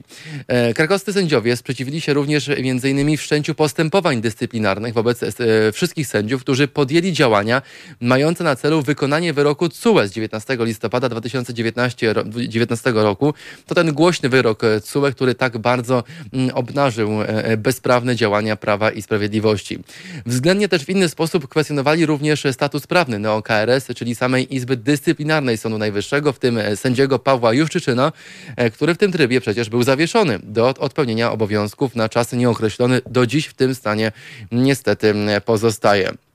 Drodzy Państwo, tych sprzeciwów było mnóstwo, no ale też skoro mowa o sędziach krakowskich, nie sposób powiedzieć o rosnącej ilości motywowanych politycznie dyscyplinarek. Tej samej uchwale, też uchwale numer jeden i też krakowscy sędziowie potępili całą dobrą zmianę w sądach za wykorzystanie politycznie podporządkowanego Trybunału Niekonstytucyjnego Julii, Julii Przyłębskiej, w którym orzekają sędziowie dublerzy do podjęcia próby unieważnienia uchwały powyższych Izb Sądu Najwyższego z dnia 23 stycznia 2000 2020 roku. Kolejny sprzeciw dotyczy na przykład działalności NeoKRS, która promuje sędziów na podstawie kryteriów pozamerytorycznych, w tym na przykład kandydata, który dostał wypłaty z Funduszu Wyborczego Prawa i Sprawiedliwości. Uwaga, sędzia rzekomo uczciwej, mm, zaufanej, oddanej e, e, prawu KRS pobiera wynagrodzenie nie normalnie z sądu, a od polityka. Dostaje pieniądze z kampanii politycznej Prawa i Sprawiedliwości, mm, no co trochę przypomina takie średniowieczne praktyki chyba sprzedaży urzędów, mm, w której też kilku tych członków na przykład wykorzystuje sytuację pandemii do uzyskania mm, jakichś intratnych wypłat nieproporcjonalnie wysokich i niezależnych diet. Oczywiście diety pochodzą nie z Funduszu Sprawiedliwości czy z Funduszu Wypłat na poczet wynagrodzeń dla sędziów, a z funduszu, podkreślę raz jeszcze, wyborczej kampanii Prawa i Sprawiedliwości. To w ogóle nie jest upolitycznienie sędziów. Całkowicie nie. E, wszystko się zgadza. Najważniejsze, że pan Ziobro się cieszy. Jest też lista takich sędziów ściganych, publikowana przez nas, przez różne inne portale. Mm, można ją, mogą ją Państwo łatwo wygooglać, do, czego, do, do czego zachęcam, bo tam jest tam też mnóstwo informacji o słynnym też sędzi Łukaszu Piebiaku, który prawdopodobnie kierował działalnością firmy Trolli dla NeoKRS, co wręcz urąga standardom takiej niezależności sądowniczej. No ale cóż, my tu mówimy o jakichkolwiek standardach. Standardem jest to, że albo głosujesz na PiS i jesteś z nami, albo przeciwko nam. Jest takie fajne porównanie do tego, o czym Państwu przed chwilą powiedziałem, czyli jesteś z nami lub przeciwko nam, bo gdy jest PiS, to jesteś albo z PiSem, albo cię nie ma. Po prostu. Mm, tak to wygląda w sądach i tak, to mów, i tak opisują swoją sytuację obecną prawną, ale też życiową sędziowie, którzy zostają odcięci od źródeł, od źródła, źródeł, źródeł finansowania, mm, bo nie mogą orzekać, bo, do, bo, do, bo otrzymują niespełna tam 15 czy 25% swojej normalnej pensji, co skutecznie uniemożliwia im normalne życie, bo ci nie mogą pracować. Nawet sędzia Tuleja u nas w radio miał problem wykonywać charytatywnie, całkowicie pro bono, mm, felietony edukacyjne dla młodzieży i naszych słuchaczy i słuchaczy, których opowiadał właśnie o tym, jak działa sąd, jak, mm, jak można walczyć o swoje prawa mm, na wokandzie Sądu Rejonowego, czy chociażby okręgowego, którego był wcześniej, jest dalej sędzią, ale jest zawieszonym sędzią. To istotna różnica. E, ponadto, drodzy Państwo, w pierwszej tej uchwale sądzie, sędziowie krakowscy zwrócili uwagę na najnowszy projekt pana prezydenta dotyczący krótkiej, ale ważnej ze względu na skutki nowelizacji ustawy o Sądzie Najwyższym. Mm, tą nowelizację e, Sejm już uchwalił. No, sędziowie ostrzegają, że wprowadzenie tej nowelizacji e, będzie miało niemałe konsekwencje w postaci na przykład takich zmian, jak umożliwienie obsady mm, funkcji prezesów poszczególnych izb Sądu Najwyższego przez lojalne wobec obozu władzy osoby. Można również e, z całą pewnością mm, politycznie podporządkować pierwszego prezesa Sądu Najwyższego aktualnie i arbitralnie wyznaczonemu składowi e, orzekających i najistotniejszych sprawach sędziów, którzy również są przecież z politycznego nadania. Drodzy Państwo, przed nami trzecia część naszej audycji. Proszę być z nami. Będzie sporo o polityce, będzie również sporo o prawie i o sądach, więc jeżeli są Państwo zainteresowani, a wątpię, żeby było inaczej, to serdecznie zapraszam. Czekam też na Państwa maile teraz małpahalo.radio no i oczywiście e, witam wszystkich naszych widzów w aplikacjach Spotify, iTunes, Apple Podcasty i na mm, naszej stronie www.halo.radio. Oczywiście gorąco i serdecznie zapraszam, bo dziś, proszę Państwa, prawdziwa premiera. E, premierowa audycja Halo Psychoaktywni. Maja Ruszpel już dziś od 21 do 23 i będzie sporo o marihuanie. Już nie mm, z tej perspektywy e, e, otrzymania recepty, bo mogę ją kupić w aptece, a z perspektywy tego, jak szkodzi i jak może nas uzależniać. Maja Ruszpel, dziś 21-23, prawdziwa premiera. Halo Psychoaktywni, serdecznie zapraszam, a ja do Państwa wracam już za chwil kilka, bo jest na zegarku za 5.12. Halo Radio. Mówi wszystko. Jest 5 po 12. Adam Bysiek, dzień dobry. To kolejna już trzecia część audycji Halo Dzień na antenie Halo Radia. Dziś mamy piąty dzień marca, do końca roku 303 dni. Jeszcze nam tyle zostało. Do wiosny trochę mniej, ale to super, bo w Warszawie dziś naprawdę słonecznie. Mam nadzieję, że u Państwa również e, humory dobre, bo w końcu piątek, piąteczek, piątunią już jest, czyli weekend. Rozpoczynamy już za godzin kilka mm, po naszej pracy. Dziś świętujemy imieniny, na przykład Adriana, Fryderyka, Marka, Oliwii, Teofila, Eusebiusza, Jana, Markusława, Pakosława i Wirgiliusza. Pamiętamy również o osobach mających dziś swoje urodziny. Państwu też wysyłamy naszą urodzinową pocztówkę z naszego studia przy Marszałkowskiej pod dwójką. Mamy nadzieję, że na Państwa mm, trafi. Witam oczywiście widzów w aplikacjach Spotify, iTunes, Apple Podcasty, YouTube, Facebook i Mixcloud. Mówimy Wam dzień dobry, fajnie, że jesteście z nami. Mam dla Was również e, kilka kartek z kalendarza, na przykład rok 1992. To pani Hanna Gronkiewicz-Walc. Tak, to ta od słynnych kamienic i ich reprywatyzacji w stolicy, została wówczas prezesem NBP.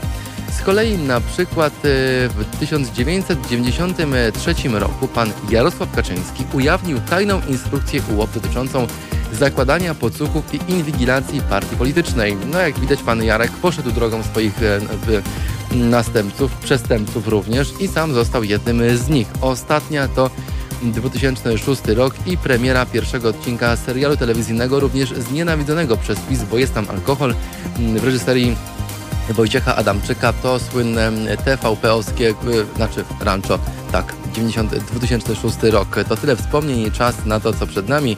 Będzie trochę o polityce, będzie również e, sporo o czarnku, bo to ostatnia część naszego programu.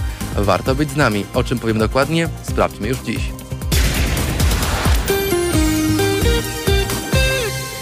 Drodzy Państwo, powiemy sobie sporo o fanatyku. No oczywiście PiS jest nierozłącznie związane z pojęciem fanatyzmu, ekstremizmu.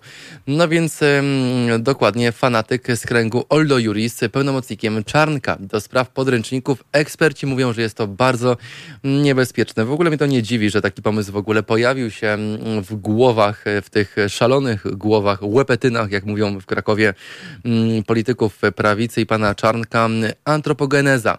Dokładnie, nie powiedział, nie opowiadał takich bajek dzieciom, po prostu tego nie uczyły. Moja córka nie potrafi zrozumieć, dlaczego nie, boli, nie ma e, komórki. Doktor Górecki, zwolennik przywrócenia szkoły religijnej, ma reformować programy i korygować podręczniki.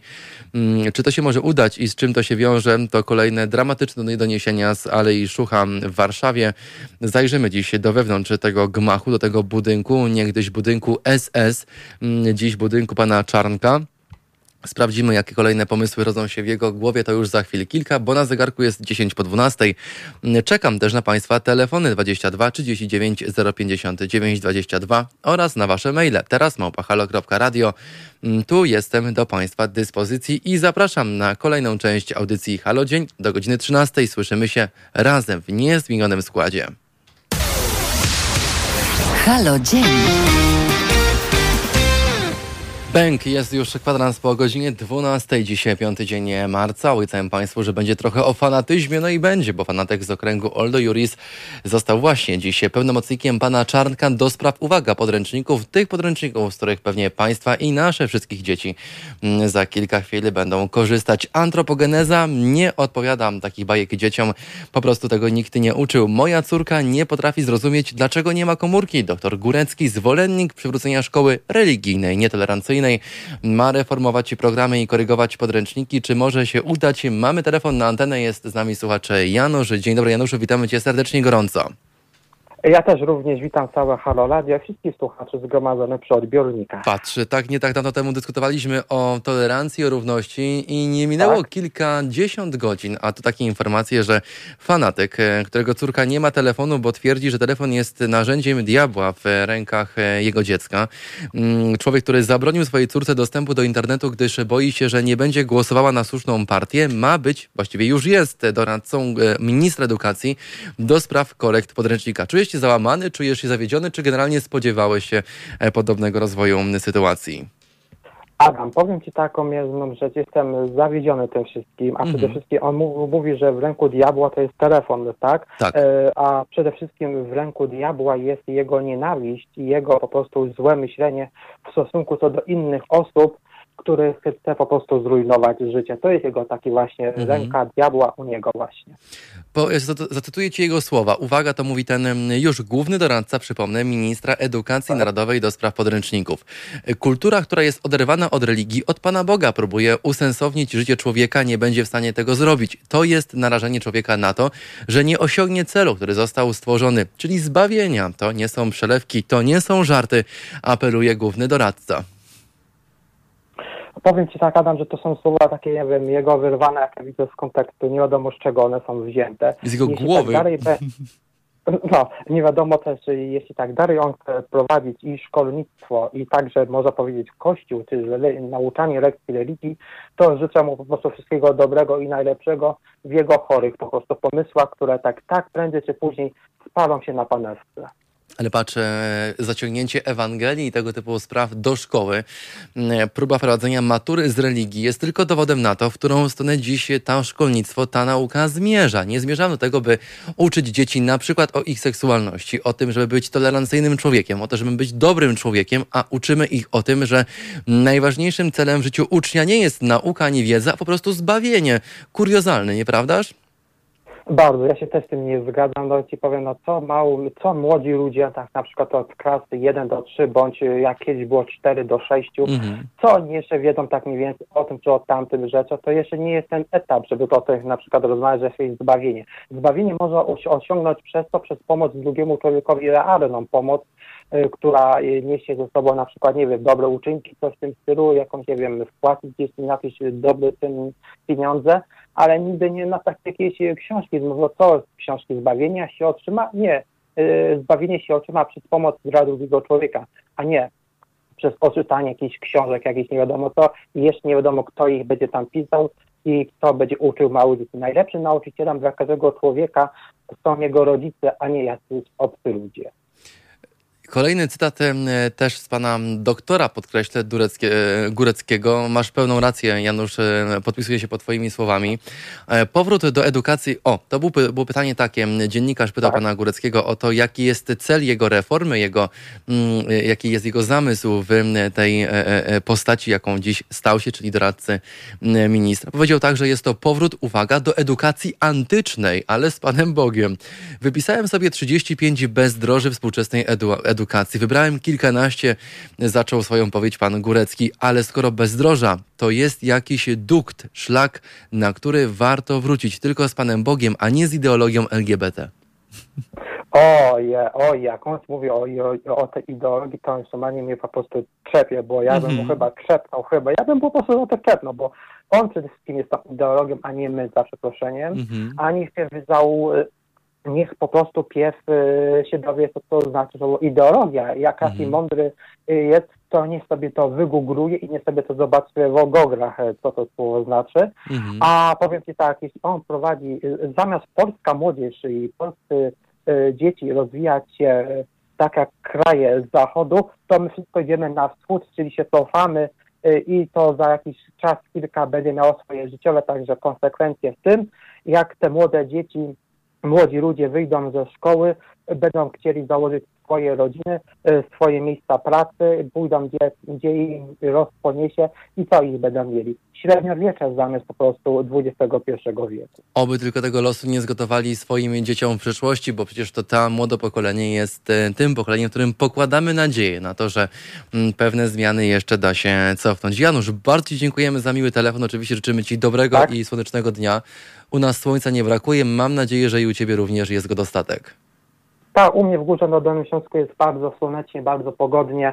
Jakby coś, jestem do Waszej dyspozycji. Okaże porze dnia i nocy możecie do mnie zadzwonić. Jeśli chcecie ze mną wywiad czy rozmowę przeprowadzić, jestem do dyspozycji. Dziękujemy Ci bardzo za Twoje miłe słowa i oczywiście kolorowego, dobrego, ciepłego i jak najprzyjemniejszego weekendu. Wysyłamy Ci taką pocztówkę. A ja Wam naszego- życzę, tęcz- a ja Wam życzę też dużo zdrowia i tęczowego właśnie weekendu także. Dzięki, do zobaczyska, wszystkiego dobrego Janusz. Drodzy A- Państwo, to ja tylko podsumuję mm, te informacje. E, Pan Górecki odrzucił również bezdroża współczesności, bo kiedy religia przestaje mm, kształtować kulturę, cywilizację, wpływać na instytucje, także takie jak szkoła, to musi pojawić się jakiś surogat, tak twierdzi pan mm, Górecki. Surogatem jest kult człowieka, gdyż wszystkie działania podejmujemy ze względu na człowieka. Liczy się tylko to, co czuje, a nawet to, jak wierzy w Pana Boga. Także hierarchowie tak czasem mówią, mówi pan doktor Górecki, ten pan, który przypomnę wszystkim Państwu od dzisiaj mm, będzie kształtował, będzie reformował, będzie na nowo układał spisy lektur, ale też podręczników w klasach licealnych i szkoły podstawowej, więc bardzo Dobrze Polacy wybrani i to tylko pokazuje e, e, to, że po prostu warto chodzić na wybory, bo jeżeli decydujemy się na oddanie głosu na tą czy inną partię, to musimy się liczyć lub ewentualnie chociaż minimalnie znać jej program. A w programie PiSu było to, że będą reformować się takimi oto ludźmi, takimi oto nazwiskami mm, edukację, która dotyczy wszystkich nas, bo większość z Państwa ma dzieci, większość z Państwa, mm, e, większość z dzieci do szkoły chodzi i dzisiaj jeszcze uczy się normalnie, ale za kilka chwil okaże się, że najważniejsza nie jest wiedza, nie jest matura, nie jest ich przyszłość, a po prostu cel e, zbawienia. Taki czarny Chris, taka krzyżowa, o, to w ramach takiej krzyżowej listy przebojów e, Halo Radia za kilka chwil Państwu coś zagramy. Czarny Chris z repertuaru Tabernakulum już za kilka chwil na antenie Halo Radia.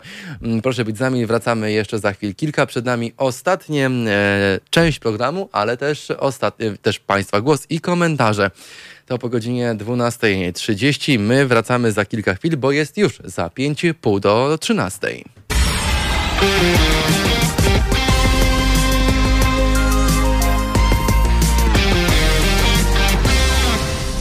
Zanim powiem, że mam dla Państwa news prawdziwą petardę, po prostu nie mogę wyjść z podziwu czytając tę informację, no ale powiem, opowiem Państwu chwilę o tym, to za kilka chwil. Tymczasem czas na to, by pozdrowić tych Państwa, który, którzy aktualnie i cały czas zresztą aktywnie nas wspierają. Kim oni są? Otóż pan Tomasz z Rzeszowa, pani Zenona z Włocławka, pani Izabela z Krzeszyc, pan Adam z Łodzi, pan Jacek z Lublina, pan Józef z Włoszczowy, pan Paweł z Gdańska, pan Hubert Zabornik koło Poznania i pan Bogdan z Gliwic. Dziękujemy, że są Państwo z nami i dzięki jeszcze raz, że tak często zaglądacie na www.zrzutka.pl kośnik Haloradio. Dzięki wielkie raz jeszcze. No to mamy pozdrowienia za nami. Teraz czas na kuriozalną po prostu informację. No, to jest śmiech przez łzy, drodzy Państwo, bo prezes, prezes Trybunału Konstytu Konstytucyjnego, oczywiście jest to pani Julia Przyłębska, otrzymała nagrodę za wyrok w sprawie aborcji. Tak, dobrze Państwo słyszą. Mm, prezes, prezes Trybunału Konstytucyjnego Julia Przyłębska została laureatką nagrody imieniem Grzegorza e, Wielkiego za, 20, za, za 2020 rok. Wyróżnienie to jest przyznawane szczególnie, w szczególności za orzeczenie zakazujące tzw. Tak aborcji eugenicznej. Mm, to właśnie ono wywołało falę protestów w całym kraju, tak gwoli ścisłości i mm, gwoli przypomnienia. Nagrodę imieniem Grzegorza Wielickiego przyznał Przyłębskiej miesięcznik Nowe Państwo. W, w uzasadnieniu tego, e, e, tej nagrody podkreślono, że wyraz docenienia odwagi nie tylko Przyłębskiej, ale też innych sędziów TK to główny przyczyn, przyczynek tego, dlaczego ta nagroda w tym roku wędruje właśnie do niej.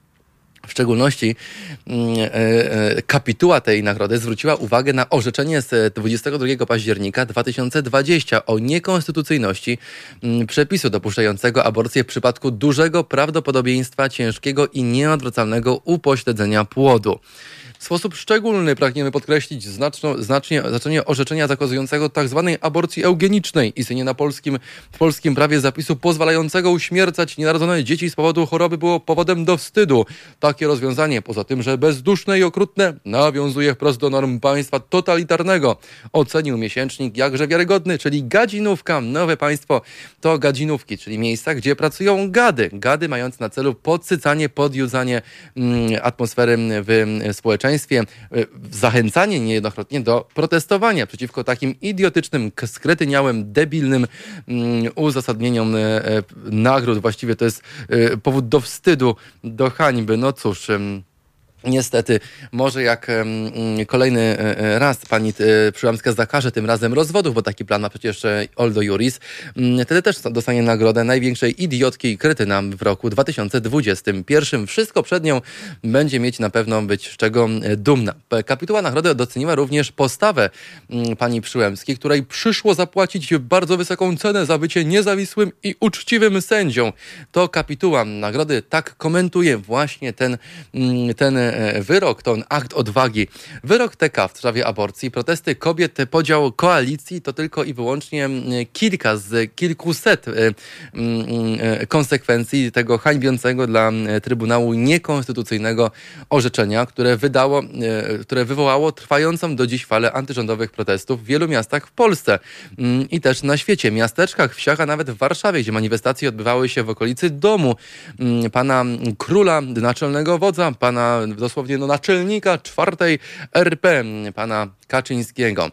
Przeciwko TK protestowało także wielu polityków opozycji. Podzielił on także, o czym e, podzielił on e, także mm, koalicję Zjednoczonej Prawicy, w ramach której już po pierwszych dniach po wydaniu tego orzeczenia w Trybunale wielu wpływowych polityków obozu władzy na czele z prezydentem Andrzejem Dudą zaczęło kwestionować tę decyzję mm, Trybunału, zapowiadając jeszcze przed publikacją złagodzenie orzeczenia w drodze ustawy, której projekt od wielu tygodni utknął na dobre mm, w Sejmowej sejmowych komisjach, o czym media już trąbią od dawna, ale nikt już nie pamięta, bo Protesty aktualnie tylko raz na jakiś czas mają miejsce w Warszawie. To dziwne, że mm, Poznań, Kraków, Trójmiasto codziennie wręcz wychodzi na ulicę, a Warszawa, gdzie zaczęło się wszystko, no już jakby tak trochę osłabło. No zobaczymy, ósmy przed nami, za trzy dni największy rzekomo protest, kolejny największy w Warszawie. Wszyscy do Warszawy, e, tak brzmi odezwa za wezwanie do ludu mm, e, ogólnopolskiego strajku kobiet, które mm, na swoim fanpage'u udostępnia wszystkie inne wydarzenia, ale ten nie organizuje, a udostępnia warszawski Mm, e, strajk kobiet, no to jest też zastanawiające. Dlaczego? Mm, zobaczymy, jak uda się to tym razem. Mam nadzieję, że mm, znów zobaczymy na ulicach tłumy, tłumy ludzi wkurzonych, tłumy ludzi wbionych, jak mówią sami, pisząc swe transparenty. Drodzy Państwo, sama Przyłębska również niejednokrotnie chwaliła się tak publicznie znajomością mm, z prezesem PiSu. Ich współpraca została zintensyfikowana, gdy pani Przyłębska przecież została tym prezesem mm, rzekomego Trybunału Niekonstytucyjnego. Jak informował w styczniu 2020 roku Andrzej e, Stankiewicz, dziennikarz portalu Onet, gdy ważyły się losy Sądu Najwyższego oraz nowo wybranej prezes Krajowej Rady Sądownictwa, e, prezes Kaczyński osobiście pojawił się w mieszkaniu prezes Trybunału. Z kolei w wywiadzie dla Rzeczy E, Rzeczpospolitej w grudniu 2020 Kaczyński został wprost zapytany o tę znajomość. Ja mogę sobie spokojnie parę godzin porozmawiać miło z panią prezes, ale o tym, jaki będzie wyrok, nie dowiem się nic, zupełnie nic. Kawa była bardzo smaczna, piliśmy również herbatę. Druga strona nie jest w stanie tego pojąć. To jest tak gigantyczna różnica kulturowa między nami a Platformą, komentował. No tylko, panie Kaczyński, Platforma nie spotykała się z ziomkami w ich domach, ewentualnie na ośmiorniczkach, w restauracjach, e, w restauracji Sowa i Przyjaciele.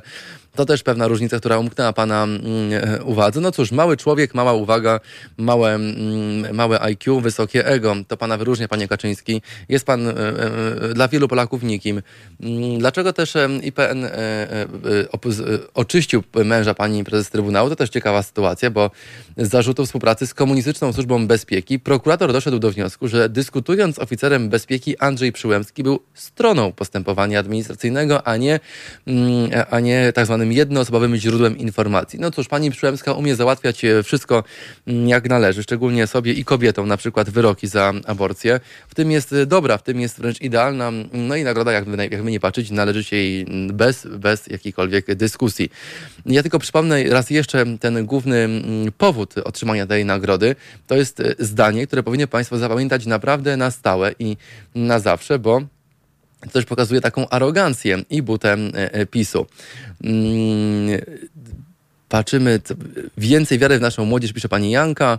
Mm, pani Janko, nie, no pani chyba e, nie śpi. Niestety tak, to co o panu Czartko mówiliśmy, to wszystko prawda. Mm, będzie układał podręczniki pani Janko, będzie również zmieniał mm, struktury, jak, jak domniemuje Ministerstwa Edukacji Narodowej. Pan, który podkreślę, pani Janko, może pani nie słyszała, tak zabrał swojej córce, córce telefon, twierdząc, że jest on narzędziem mm, diabła w jej rękach. Wyłączył jej internet domu i publicznie tym się pochwalił w mediach, przy czym oczywiście zebrał aplauz ze strony polityków i posłów prawicy, jako ten prawdziwy, dobry ojciec, jako ten prawdziwy gorąki katolik, który będzie będzie teraz wpływał wymiernie na otaczającą rzeczywistość, na przykład naszych dzieci w szkołach, bo tam drogą i najważniejszym celem nie jest edukacja, nie jest matura, ale jest zbawienie i obecność Boga w ich życiu. Mm, tak grzmi, nie zambony. A już pani Janko z Ministerstwa przy Alejach Szucha, mm, kolega pana Czanka, podkreślę, główny reformator od dziś podręczników, nie tylko, bo także lektor w naszych szkołach naszych dzieci. Więc super. Oby tak dalej. Może też, może też pani Janko jakąś nagrodę mu przyznają, jak pani Przyłębskiej za uwaga szczególne mm, e, znaczenie e, zakazu aborcji eugenicznej. Jest to istnienie w polskim prawie zapisu pozwalającego unikać, e, uśmiercać nienarodzone dzieci z powodu choroby. Było powodem do wstydu takie rozwiązanie. Poza tym, że bezduszne i okrutne nawiązuje wprost do państwowych i państw totalitarnych. Ocenia miesięcznik Nowe Państwo. Ten sam miesięcznik twierdzi, że zmiana w ministerstwie jest wspaniałą zmianą, bo przecież to dobrze, że człowiek, który jest przykładem dla wielu rodziców na to, jak odbierać dziecku telefon, jak odbierać mu wolność wyboru, jak odcinać mu internet, dziś będzie wymiernie wpływał na nasze dzieci w naszych szkołach, na ich lektury i na ich podręczniki, czyli na to, z czego te czerpią wiedzę. Drodzy Państwo, dziękuję za dziś. Czas jeszcze na kilka Państwa komentarzy, to za moment. No ja powoli się żegnam, ale nie do końca, bo dziś też słyszymy się już e, po godzinie 19. Mam nadzieję, że i Państwo będą razem z nami. No to co, jingle i czytajmy komentarze. Czas start. Słuchacie Halo Dnia w Halo Radio. A ja słucham Państwa i na przykład pani Janka pisze tak, że są ludzie, którzy wiedzą wszystko i niestety jest to wszystko. Co wiedzą? Pani Janko, przybijam pani po prostu żółwika, kopiuję ten komentarz i użyję go na swoim Instagramie. Jest magiczny i, i bardzo mi się podoba. Wpadł mi w oko, ma pani lajka ode mnie i jeszcze polajkujemy go o... Tutaj mam. Mm, o, i jest drugi like do pani, poleciał świetnie. E, drodzy Państwo, za nami pan Czarnek, za nami również narkotyki w Holandii i plaga. 28% Polaków na emigracji jest pod stałym i ciągłym wpływem narkotyków. E, to mm, obraz nas, Polaków za granicą, na przykład na Zachodzie. No nie dziwię się w ogóle, jeżeli my e, przyznajemy się do tego, że pracujemy nawet po 12-16 godzin dziennie, a narkotyki są tańsze niż piwo w sklepie, no to cóż taki Polak może więcej mm, chcieć niż po prostu oderwać się od rzeczywistości, w której żyje. Taki mają plan na siebie. Miejmy nadzieję, że ta tendencja będzie w końcu spadkowa, że że uda się mm, coś z tym procederem zrobić. Mam nadzieję również, że coś uda się zrobić z mm, e, panem Czarnkiem, który cały czas nie tylko psuje, nie tylko demoluje e, system edukacji w naszym kraju, ale zatrudnia swoich ziomków, mówiąc językiem młodzieżowym, ziomków, którzy mm, zabierają dzieciom swoim telefony, odcinają internet, a potem są stawiani jako wzór do naśladowania przez kolejnych innych swoich następców, ale też nauczycieli, jak rozumiem, bo w końcu to oni używają tych E, e, podręczników w edukacji właśnie tych dzieciaków. Mm, e, pan Janusz napisał jeszcze Halo Radio, możecie będzie liczyć w każdym temacie. Mogę z wami rozmawiać nawet na temat tego, że Godek chce zakazać rozwodu w Polsce. Tak, panie Januszu, mm, pani Godek ma taką, mm, taki, takie zakusy. Właściwie to już spełnia swoją, swoje intratne inicjatywy, które ma w głowie. No to to pokazuje tylko, co muszą mieć w głowach ci oglądający telewizję polską, głosujący na reżimowy PiS PiS i e, ci, którzy e, e, działają razem z panią Kają Godek, to właśnie to, o czym Pan mówi, czyli zakaz rozwodów. To najbliższy plan na Polskę. Tak jak mówiłem, prawdopodobnie Pani Przyłębska również dana, dostanie nagrodę za przyklepanie tego typu wyroku, bo tam niczym się nie zajmuje niż tylko klepaniem tych papierów bo do tego jest stworzona, właściwie nadana przez kumpla od kawy i kota mm, pana Kaczyńskiego. Drodzy Państwo, dziękuję za dzisiaj. Słyszymy się już o godzinie 19 dziś także na naszej antenie. Mam nadzieję, że to popołudnie minie Państwu w spokojny i przyjemny sposób. U nas słońca nie brakuje, tego samego słońca życzę Państwu i te promienie również z naszego studia do Państwa mm, wysyłam. Przyjemnego, dobrego, słonecznego dnia i jeszcze spokojniejszego, lepszego i jeszcze przyjemniejszego weekendu życzę Państwu Państwu dziś do usłyszenia i zobaczenia na naszej antenie wieczorkiem o godzinie 19. Widzimy się jeszcze dziś.